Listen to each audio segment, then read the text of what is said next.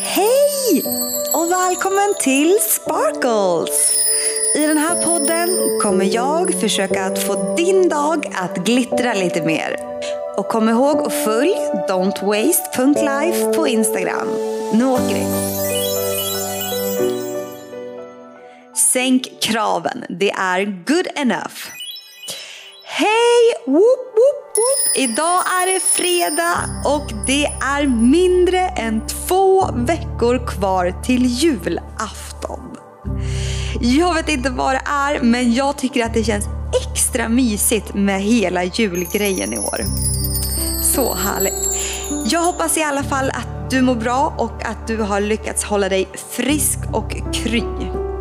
Idag tänkte jag prata lite om att allt inte behöver vara perfekt och att det gör ju ingenting om det inte blir som du har tänkt dig. Jag kan ha så lätt att sätta upp höga krav, för höga krav och förväntningar på mig själv och saker jag gör. Jag kan eh, lätt bli ett control freak och vilja eftersöka perfektion. Men sen jag blev mer medveten om just det här har jag kunnat jobba med mitt kontrollbehov och viljan att allt ska bli som jag har tänkt mig. Och det har hjälpt mig på så många plan. Att sänka kraven på mig själv men också på andra har gett mig ett härligare lugn och det har gett mig mer lycka i livet. Tidigare hade jag alltid en detaljerad plan för hur allt skulle vara och bli. Jag hade tänkt ut det i mitt huvud. Eh, det, skulle, det, alltså, det skulle kunna typ se ut som en fredagskväll. Det här är en enkel liten vardaglig sak. En fredagskväll. G ska komma hem klockan 19 och jag kanske planerar att laga en mysig middag som kommer vara klar när han kommer innanför dörren. Och sen så kanske, låt säga att pastan kokar längre än vad jag hade tänkt mig i min plan. Och G hinner komma hem innan jag hunnit klart med allt jag planerat.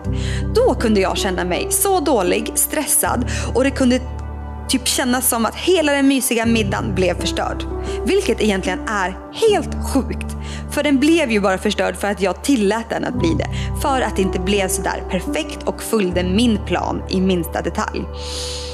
Alltså herregud vad drygt att leva så. Och så var det med allt. Inte bara en liten middag. Det var stora och små grejer. Så nu försöker jag att använda mig av mantrat good enough. Det får mig att inte vara så hård mot mig själv och det får mig att förstå att allt inte behöver vara perfekt för att bli bra. Utan det kan vara och bli tillräckligt bra. Good enough liksom. Good enough får mig också att våga testa nya saker mer och oftare. För förut kunde jag undvika att göra vissa saker om jag inte var säker på att resultatet skulle bli perfekt. Så nu gör jag mitt bästa istället. Jag testar och provar mig fram och det gör att, jag, att mer grejer blir av helt enkelt. Så det jag försöker säga är, försök att inte ta allt på för stort allvar. Öppna upp ditt mindset och lär dig något nytt. Gör något nytt. Och låt saker vara good enough. Nu inför jul kan jag tänka mig att press och stress kan ta en stor del av oss. Men jag, man vill liksom att allt ska bli så himla bra. Man ska köpa de bästa julklapparna. Man ska slå in dem helt magiskt.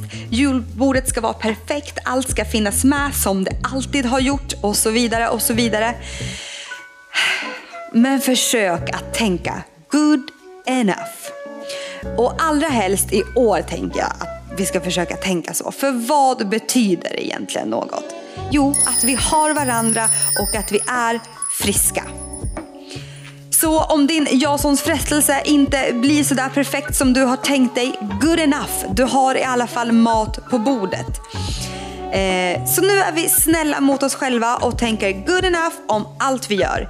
Det kommer göra att du inte blir lika besviken när saker inte går som planerat. Du kommer få mer saker gjort när du inte överanalyserar allt eh, du gör eller är för självkritisk mot dig själv. Mitt liv har blivit mycket lättare och rikare. Så good enough är verkligen ett mantra värt att använda sig av. Hoppas att du får en jättefin helg. Sänk kraven och njut ordentligt. Vi hörs på måndag igen. Ta hand om dig och håll dig frisk. Och du, you're a star. Don't forget to shine. Den här podden produceras av Westridge Audio.